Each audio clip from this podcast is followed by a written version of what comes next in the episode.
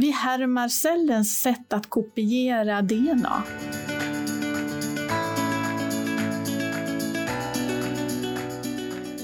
Hur avgör man om en person är far eller farbror till ett barn? Teorin är precis som ett vanligt faderskapsfall, men att sannolikt behöver vi titta på fler ställen på DNA-molekylen för att hitta upp informationsgraden.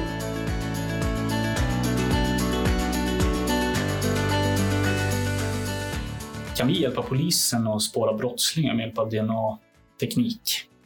Eh, ja, det kan vi. Så, det finns även ett parallellt fall, dubbelmord i Linköping, som Från vilket år är det? 2004. Enligt eh, vad som går att läsa i pressen så är det också ett sådant fall som polisen testar de här nya släktforskningsmetodiken för.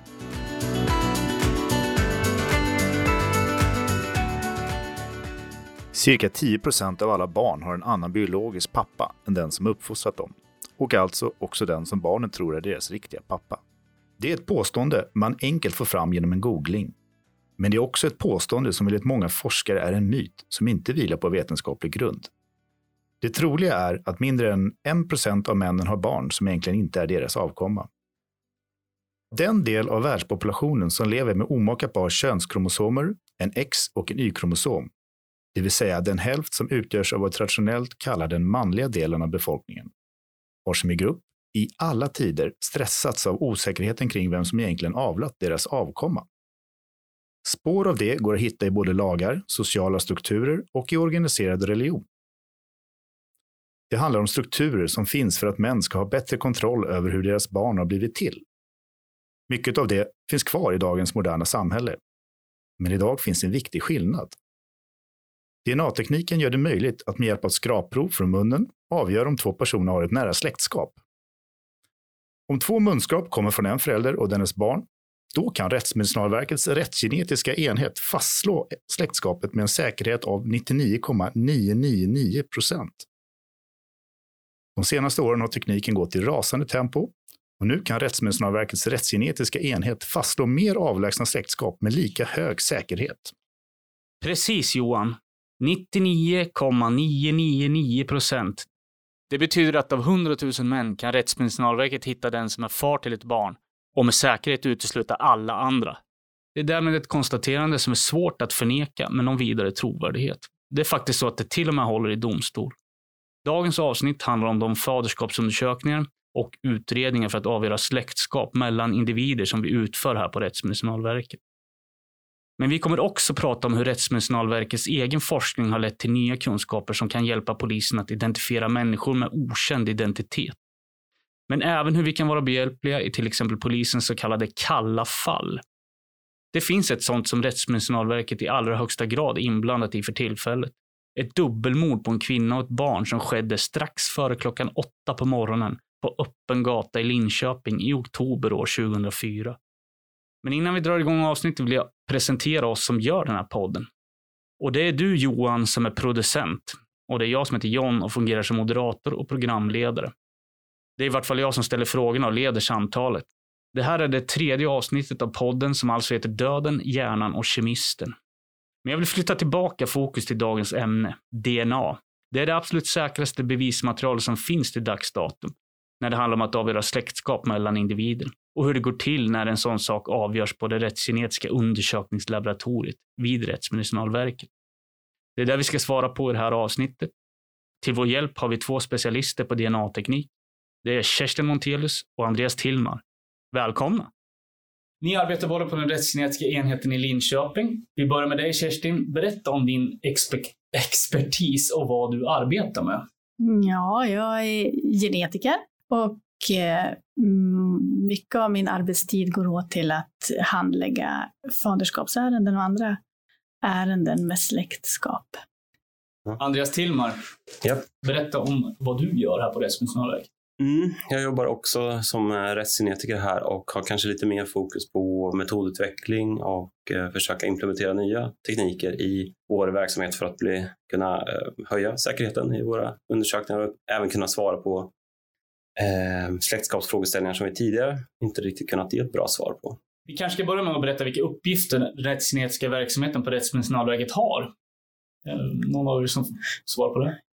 vi gör många ärenden åt Migrationsverket och i familjeåterföreningsärenden eh, där någon person som har kommit hit och sökt asyl har sedan två år på sig att få hit sin familj. Och från vissa länder dokumentationen sån att svenska myndigheter inte godkänner den och då blir den här släktskapsutredningen en dokumentation att utgå ifrån. Och hur är det med de här faderskapsutredningarna då? Hur funkar de? Ja, det är beställningar från socialförvaltningar i Sverige och det har vi gjort i hundra år ungefär. Eh, där personer som kommer till socialförvaltningen för att skriva på faderskapet.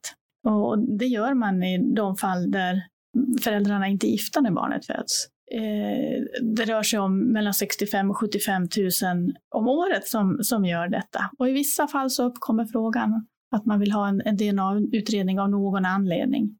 Eh, så då, då skickar de många sådana till oss. Eh, du pratade om att de genetiska testerna har förekommit i närmare hundra år, sa du? Kanske till och med hundra år. Mm. när började man spåra människor med hjälp av genetik? Ja, om vi tittar på, ehm, man började ju titta på eh, ansiktsform, så biometriska eh, faktorer i ansiktet till exempel. Eh, och det var 1925 man började titta på blodgrupperingar av olika slag och det utvecklades eh, allt eftersom ända till eh, 94 när rättsgenetiken gick över till DNA i, den, eh, ja, i DNA istället för Eh, blodgrupperingar. Så innan dess så kollade man om man hade samma blodgrupp som sin avkomma? Ja, och då finns det ju många undergrupper till de här blodgrupperna så att det finns många variabler att titta på. Hur nära kan man komma då sanningen? Bra fråga. Alltså, ja. om, man, bara kollar på blodgrupper eh, så brukar man säga att man har en uteslutningskapacitet på runt 50 procent. Att man ungefär hälften av alla felaktigt utpekade män kan man utesluta. Vilket gör då att det är väldigt många som inte är fader som man inte lyckas utesluta med blodgruppering. Och det man gjorde sen efter blodgrupperingen var att man hittade andra proteiner i blodet som också man kunde spåra hade ärftliga eh, egenskaper. Så då utökade man analyserna eh, med eh, äggviteproteiner eh, för att öka på. Men fortfarande så eh, hade man kanske en 70, 80, 90 procents uteslutningskapacitet. Vilket gjorde att man vad, vad menar du med uteslutningskapacitet? Ja, det är möjligheten att kunna utesluta en man som inte är far. Så det är 20 procent att man... Så att slumpen gör att de har samma variant även fast man inte är eh, far. Så då kan man ha fel? Det är 20 procent som man har fel när man använder den tekniken? Eh, det finns en risk, 20 procent risk. Eh, och eh, tidigare då, då, eftersom det var så här så använde man en slags negativ bevisning att istället för att peka ut att den här mannen är far till barnet så sa man att man kan inte utesluta att han är far till barnet. Och sen ligger det på domstolen då att med annan bevisning kunna eh, ta beslutet. Men hur kommer det sig att DNA kan avslöja släktskap, eller ja, utesluta släktskap mellan individer? Ja, vi tittar ju på speciella, ut, speciellt utvalda avsnitt eh, på DNA-molekylen som har visat sig ha ärftliga egenskaper. Man, är, man ärver en, en del från sin far och en del från sin mor och så ska det kunna gå att lägga pussel då mellan barn och föräldrar.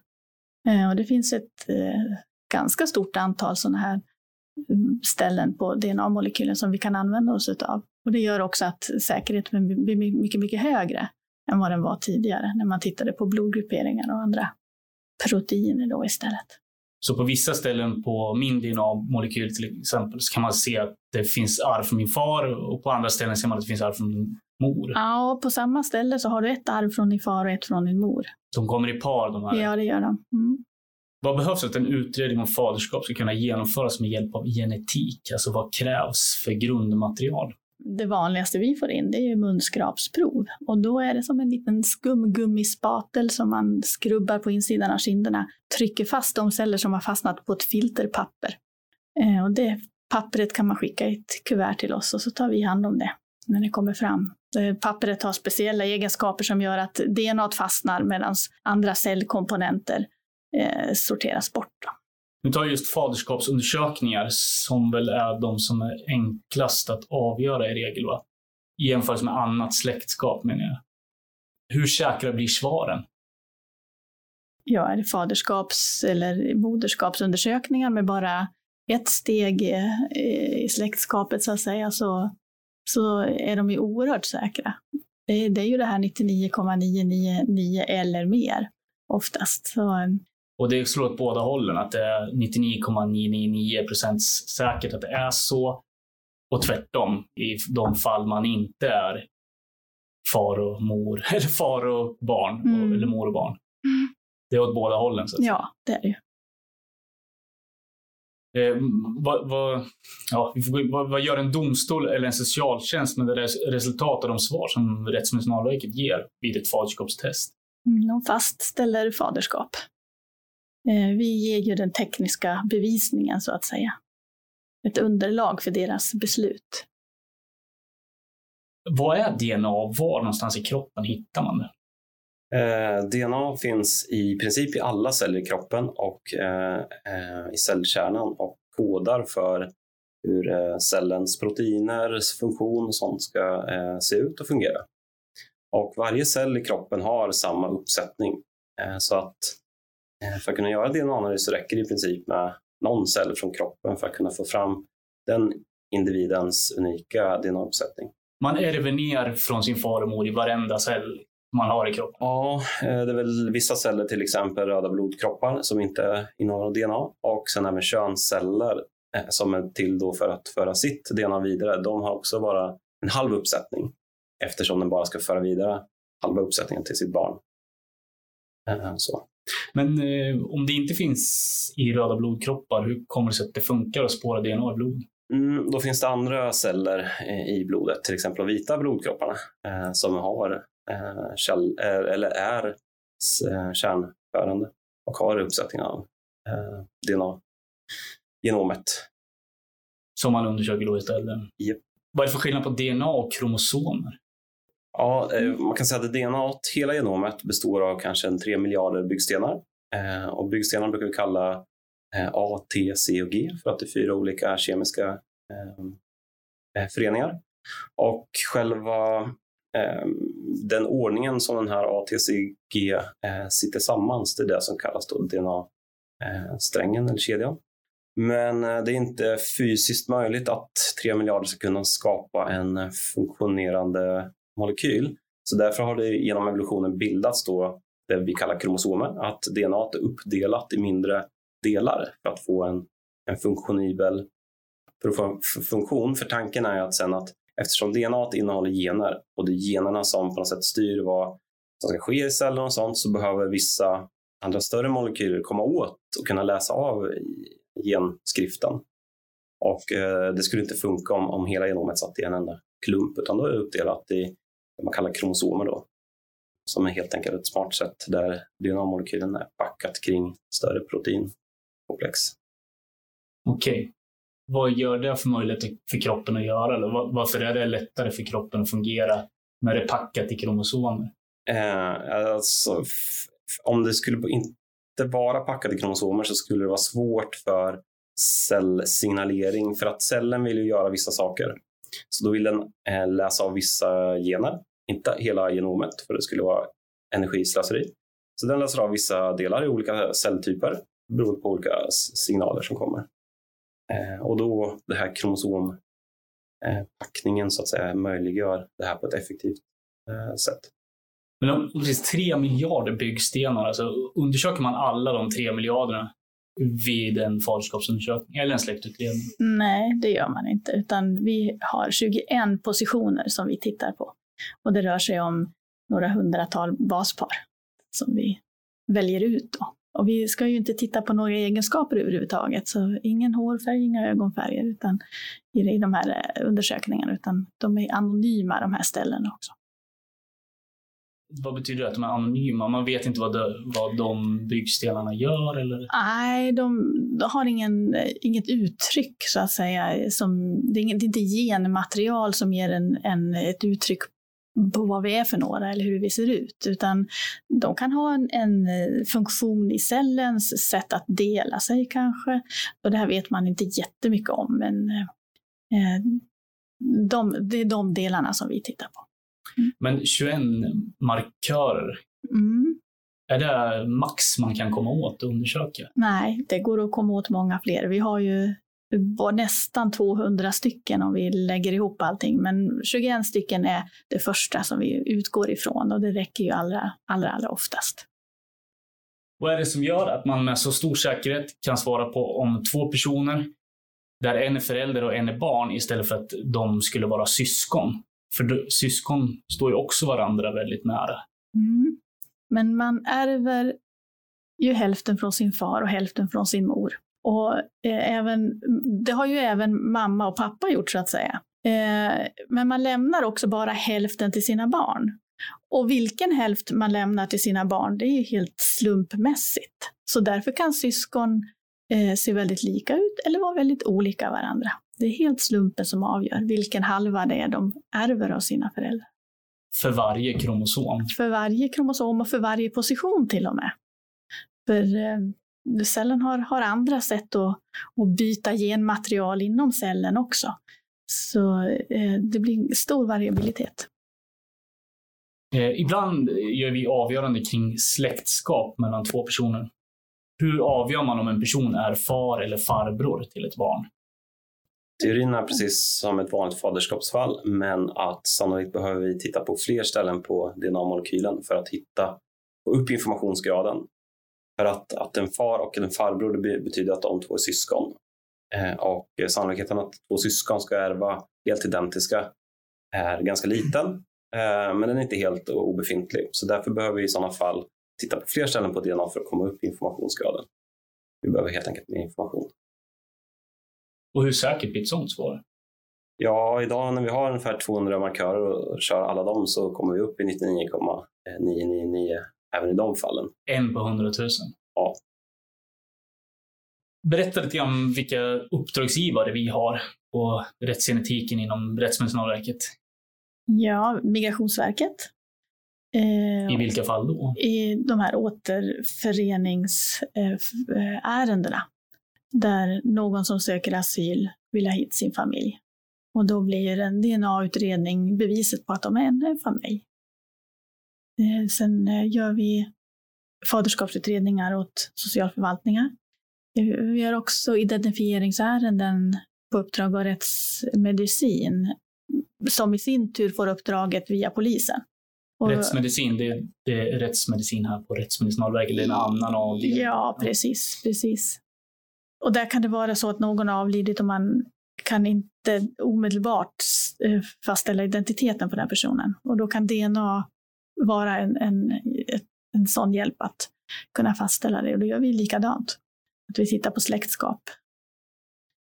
Men då måste man ha någon slags referensmaterial. Ja, då är, släktingar referensmaterialet. Och polisen topsar då en släkting och skickar det provet till oss. Och sen har vi socialförvaltningar i faderskapsärenden. då. Just det. Mm. Och det, det har- ja, enligt lag, svensk lagstiftning så, så fastställs eh, faderskapet och ibland så krävs det en DNA-analys för det. Eh, Kan vi hjälpa polisen att spåra brottslingar med hjälp av DNA-teknik? Eh, ja, det kan vi. Nu ligger huvuduppgiften för själva att ta fram DNA-profiler från spår, brottsspår på polisen och deras forensiska labb, Nationellt forensiskt centrum. Men i de frågeställningarna kan det finnas ytterligare frågeställningar som rör släktskap mellan kanske två olika brottsplatser, spår från olika brottsplatser. Eller att man inte har eh, tillgång till den misstänkte utan eh, vill göra en eh, analys på en släkting till den misstänkte för att se om det är den misstänkte som har lämnat spår på brottsplats. Så det kan finnas den typen av frågeställningar där det finns en släktskapsfrågeställning i bakgrunden. Eh, det kan finnas andra typer av brott, till exempel incest, i- trafficking. Trafficking, okej. Trafficking Mm. är också ett fall, eller också fall eh, där vi har haft eh, den typen av ärenden för att utreda huruvida det är ett biologiskt släktskap eller om det är någon som har hittat på att man tar hit sina släktingar, Ja. icke-släktingar. Andra som, vi har ju många tingsrättsärenden, tingsrätter som direkt beställer ärenden eh, hos oss, i, främst i faderskapsutredningar. Alltså, direkt, ja okej, Ja. Det, det pågår i, i domstolen faderskapsutredning. Ja, precis. Och för att avgöra saken då så skickar man Ja, ett Det- prov hit till, till oss. Mm.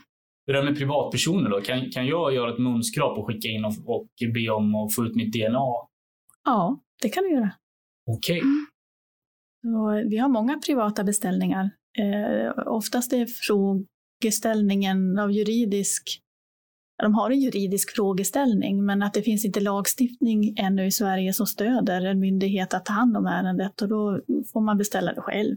Eh, Men det, går, det kan man göra. Vad kan det vara för frågeställningar då? Eh, En frågeställning som har ökat mycket är surrogatfrågeställning. Att man behöver bevisa faderskapet eh, innan man kan ta hem sitt barn till Sverige.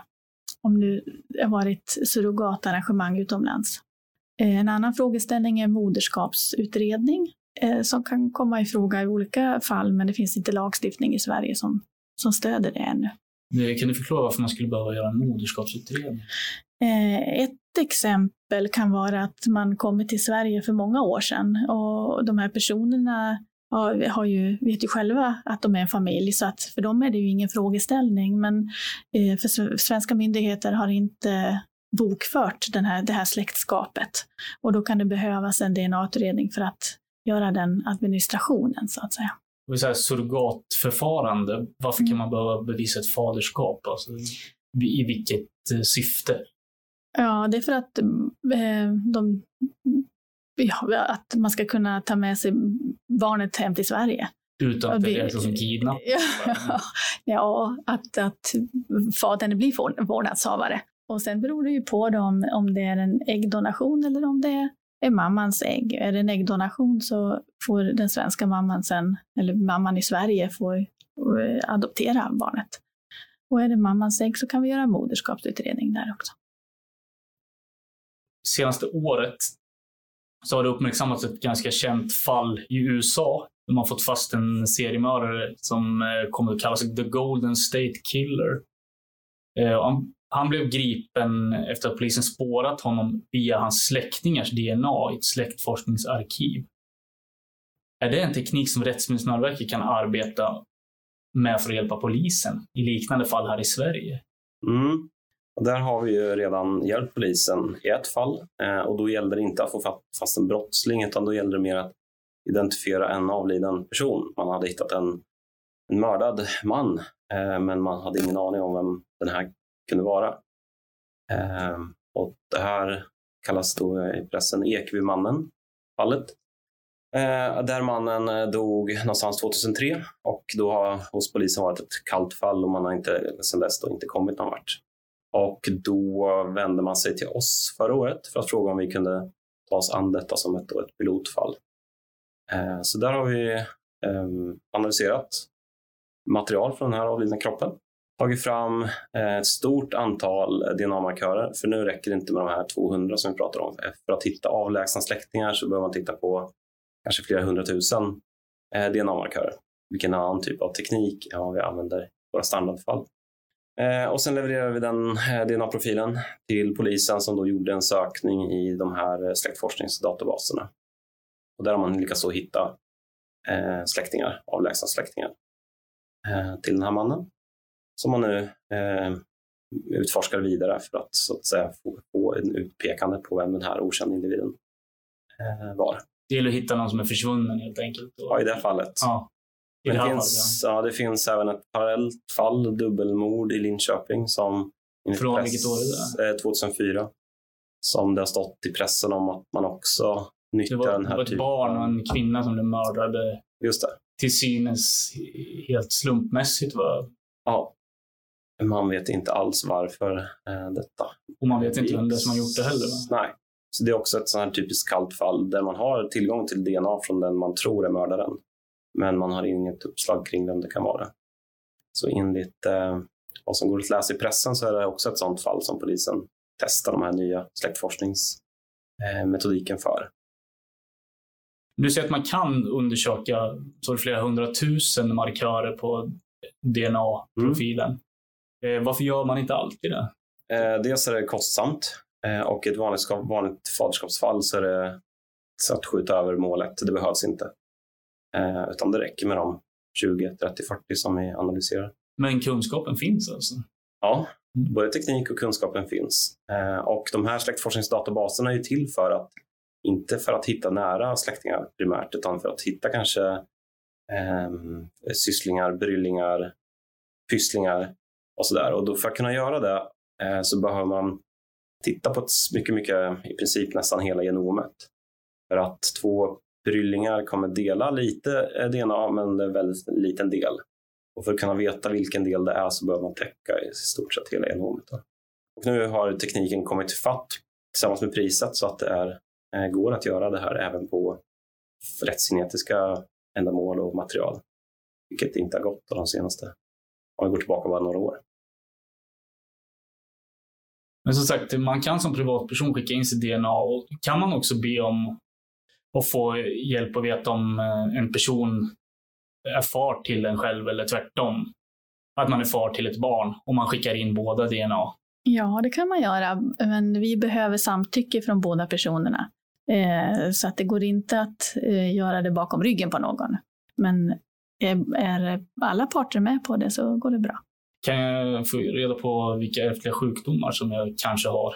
Nej, det tittar vi inte på. De markörer, sådana markörer har vi inte. Okej, men du, kan du Kerstin berätta lite grann om ett ärendes gång vid faderskaps eller släktutredningar när de hamnar hos oss? Eh, vad som ingår? Mm.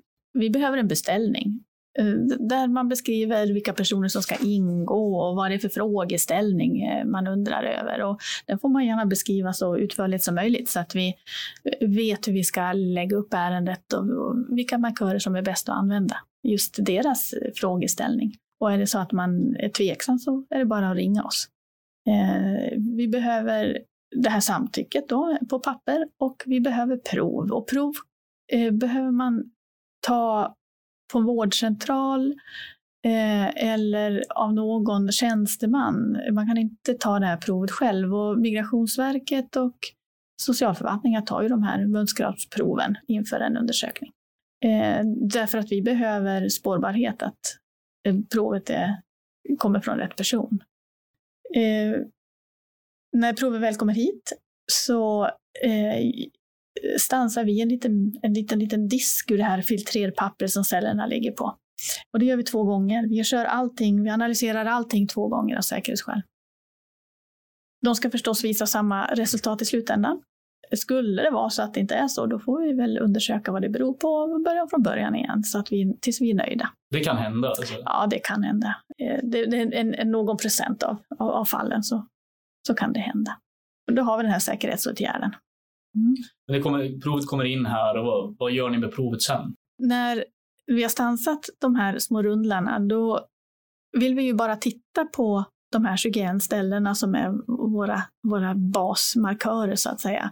Och vi vill ju inte, vi vill inte ha den här ögonfärgen och hårfärgen och andra egenskaper. Eh, och det finns ju ändå med, för har man lagt sitt material på, på kortet då, då finns ju de här generna också. Men vi eh, fokuserar på det som är av värde för oss. De här generna är, där är vi alla så pass lika också, så att det ger inte den här individuella skillnaden som vi är ute efter.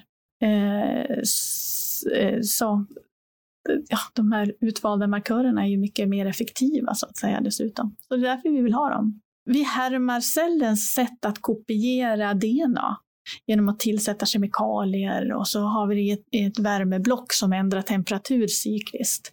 Eh, och, och, ett enzym som ursprungligen så använde man eh, ett enzym från eh, bakterier i heta källor på Island som jobbar i 72 grader. Nu är det ju konstgjorda eh, enzymer, men under den här processen, eh, cykliska processen, så, så får man en mängd kopior av bara det vi vill titta på. Och det andra försvinner bort som ett svagt, svagt brus. Eh, för att kunna analysera det, det, vi har kopierat nu och för att få fram de här delarna som eh, vi har ärvt från mor och far, hälften hälften, så eh, har vi en analysmaskin som eh, har kapillärer, tunna, tunna rör med en gelmassa i. DNA är av naturen negativt laddat. Så om man då lägger en spänning över den här gelmassan så kommer DNA att dras mot den positiva polen, alldeles av sig självt. Och är det en liten kort DNA-bit, då går det ganska snabbt. Mm. Det har ganska lätt att åka igenom den här gelmassan. Är det en lång DNA-snutt, då tar det längre tid. Och på det sättet så får vi en separation med avseende på storlek på de här fragmenten. Eh, de här, det här tar ju våra datasystem hand om och eh, registrerar vad det är ett prov innehåller för fragment. Och sen jämför vi med vilka fragmentlängder är vanliga i populationen och vilka är ovanliga. Då får vi också en statistik på hur, hur sannolikt det är att man är släkt med varandra. Eh, och, och, är det så att man har vanliga saker gemensamt, så, eller vanliga fragment gemensamt, då kan man ju vara släkt fast statistiken blir lägre. Är det någonting man delar som är ovanligt i populationen, då, då blir statistiken starkare kan man säga. Men är det en datamaskin som bara spottar ur en remsa där det står släktskap mellan två prov? Eller hur, är det någon handpåläggning av en människa som sitter och läser av den här, den här datan? Ja, vi, vi har ju en, en eh, maskinell process kan man ju säga, men alla resultat kvalitetsgranskas av, av oss här på genetiken. Och vi tittar också igenom eh, de resultat som produceras. Eh, så eh, det, det, vi, vi även om det är en, en, en, process med maskinell överföring så kontrollerar vi ju att alla steg har fungerat. Som i många av proven då, där, där Rättsmedicinalverket svarar ut med 99,999 procents säkerhet. Mm. Är det rimligt i ett sådant fall att neka till släktskap, till exempel neka till ett faderskap? Det är väldigt sällan någon gör det. Mm. Håller det i domstol då? Ja framtidens DNA-teknik då, Andreas? Mm. Eh, hur ser den ut? Mm. Hur säkras, vad kommer man få ut av den? Eh, det beror lite på frågeställningen. För är det vanliga faderskapsundersökningar, det tycker vi idag att vi har Alltså standardfaderskapsfrågeställningen eh, har vi tillräckligt hög säkerhet idag. Utan där gäller det kanske på att, att uh, göra det billigare och snabbare. För att kunden ska få ett snabbare svar. Utan där en ny DNA-teknik ska kunna ge mer information, det är ju mer avlägsna släktskap där kanske den utpekade mannen inte finns. Han kanske är avliden eller att han inte finns att eh, få prov ifrån.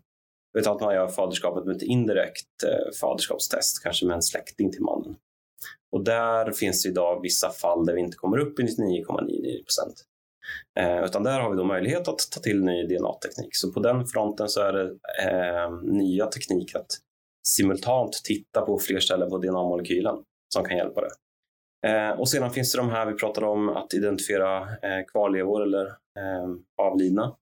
Eh, där kan provet vara ett sådant kvalitet att vi inte får fram någon DNA-profil överhuvudtaget för att teknikerna är inte tillräckligt känsliga. Provet är sån kvalitet, kan du, kan du mm. utveckla det? När eh, en individ dör eh, så frigörs det en hel del enzymer eh, som börjar klippa sönder DNA-molekylen. Och beroende på vilka andra betingelser, till exempel om det är fuktigt, om det är eh, varmt, så kan det också komma massor med bakteriellt DNA som då förhindrar våra tekniker att få fram en DNA-profil. Och där finns det potential att utveckla så att vi i de fall där vi idag kanske inte får fram en DNA-profil eh, kan få fram utifrån mindre mängd DNA och kanske då även från sånt som är eh, trasigt DNA. Det är där framtiden ligger, då, så att säga. Hur långt bort? Det, Nej, kanske det, är inte, utveckling? det är ständig utveckling. Eh, så bara vi går tillbaka, alltså att gå tillbaka fem år tillbaka så kan vi idag lösa bra mycket mer de här lite mer distanta släktskapen än vad vi kunde då tack vare ny teknik. Så det är hela tiden utveckling. Jag vet att du har forskat på att kartlägga genetiska förutsättningar i ja, geografiska områden i vissa fall och sådär. Vad har man för nytta av det? Mm.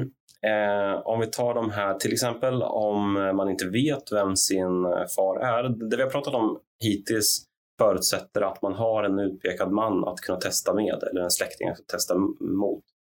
Men om man inte har någon idé om vem som ens far kan vara så kan det finnas information i barnets DNA som kan peka ut till exempel varifrån i världen eh, sin far kommer ifrån.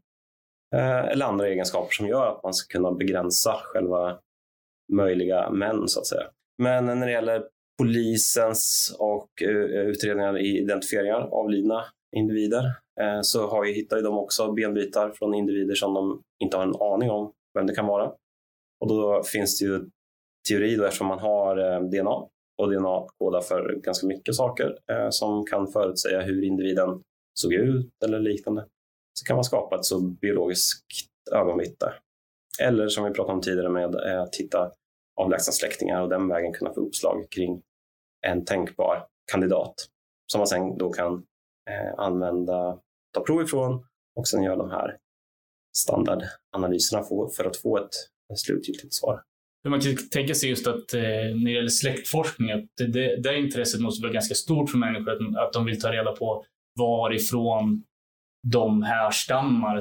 Ja, kom, kommer jag från södra Europa? Mm vad det nu kan vara. Ja, det vi ska tänka lite på är att vi vill ju helst, vi sysslar ju sånt med att ha någon slags rättslig ändamål. Eh, om, om en person vill för sin egen skull ha reda på vem i USA som är en släkting så finns det ju som sagt privata företag som kan ta hand om den. Eh, för är det en rättslig frågeställning i botten så behöver vi mer kvalitet för att kunna stå för vad vi uttalar oss om. Så därför så fokuserar ju vi främst på sådana saker där det kan finnas en rättslig frågeställning i bakgrunden så att säga.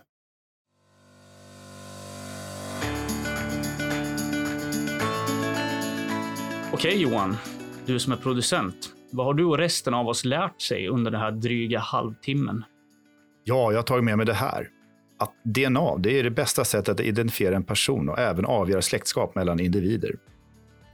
Jag tror också med mig att teknik och kunskaper går framåt så snabbt att vi bara de senaste fem åren avsevärt har förbättrat möjligheterna som DNA-tekniken ger. Vår forskning har gjort att polisen bett oss att hjälpa dem att identifiera döda personer med okänd identitet. Men vi hjälper dessutom till med att lösa mordgåtor som till exempel uppmärksammade dubbelmordet i Linköping. Framtidens DNA-teknik kommer att ge ännu större möjligheter, där vi kommer kunna nå hög säkerhet även på liten mängd DNA och dessutom trasigt och nedbrutet DNA som provmaterial. Men när jag ändå är på tråden vill jag passa på att pusha för vårt nästa avsnitt av podden. Avsnitt 4 kommer att handla om hur Rättsmedicinalverkets rättskemiska enhet analyserar de prover som polisen tar i trafiken. Men även övriga drogprover som bland annat polis och kriminalvården tar. Vi kommer bland annat prata med våra toxikologer om varför det inte fungerar att skylla på passiv rökning när man har testats positivt för cannabis. Det låter som någonting att se fram emot. Tack för den här gången och på återhörande.